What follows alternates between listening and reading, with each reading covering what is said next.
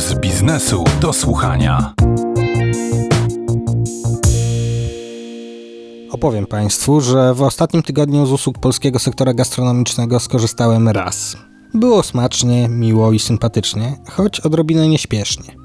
Na tyle nieśpiesznie, że jedna z siedzących przy sąsiednim stoliku klientek postanowiła wezwać menedżera i poskarżyć mu się na cały głos, że czeka na fakturę skandalicznie długo, a przecież już taksówka po nią jedzie. W takich sytuacjach przez myśli przebiega mi wiele rzeczy. Na przykład to, czy jaśnie pani klientka wzięła właśnie na fakturę całkowicie prywatną kolację, albo to, czy ktoś na nią nakrzyczał kilka godzin wcześniej w pracy i teraz musi wyładować się na Bogu ducha winnym menadżerze, który za chwilę będzie pewnie krzyczał na kelnera.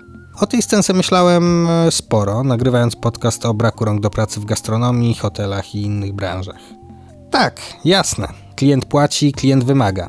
Ale może w okresie popandemicznym wszyscy wymagajmy od siebie nieco mniej i uśmiechajmy się nieco więcej. W końcu korzystamy z usług tych branż dla przyjemności, a nie po to, by rozładować frustrację. Na tym kończę dzisiejszą audycję.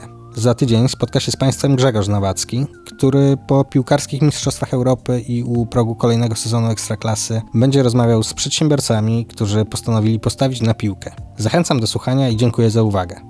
Marcel Zatański, to był Puls Biznesu do słuchania. Puls biznesu do słuchania.